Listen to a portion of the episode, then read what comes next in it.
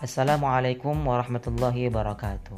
Sahabat Al-Quran, uh, ibarat lomba lari, garis finish sudah terlihat di depan.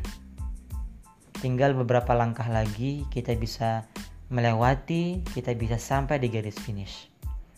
Seorang pelari, dia akan memaksimalkan semua potensi yang dia miliki, energi yang dia miliki, dia akan mengatur ritme nafasnya agar dia bisa sampai di garis finish agar dia bisa menyelesaikan pertandingan.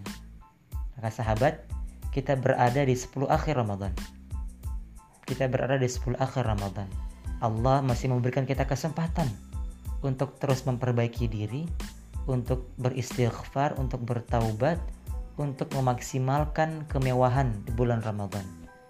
Maka sahabat Al-Quran, jangan sia-siakan, maksimalkan, keluarkan semua potensi kita kita maksimalkan 10 akhir Ramadan ini dengan tilawatul Quran, menyelesaikan yang sudah kita mulai dengan memperbanyak sholat, memperbanyak zikir, mendengar kajian, memperdalam ilmu, beristighfar, agar kita nanti selesai dalam pendidikan Ramadan ini menjadi pribadi yang lebih baik dari tahun yang lalu.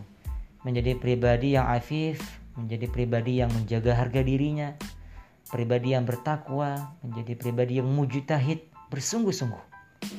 Mari kita selesaikan ini, kita lewati ini semua, kita tutup dengan penutup yang terbaik. Khairul umur ya khawatimuha. Al-umur bi khawatimiha. Ah, maaf, al-umur bi khawatimiha. Segala perkara itu dilihat dari penutupnya.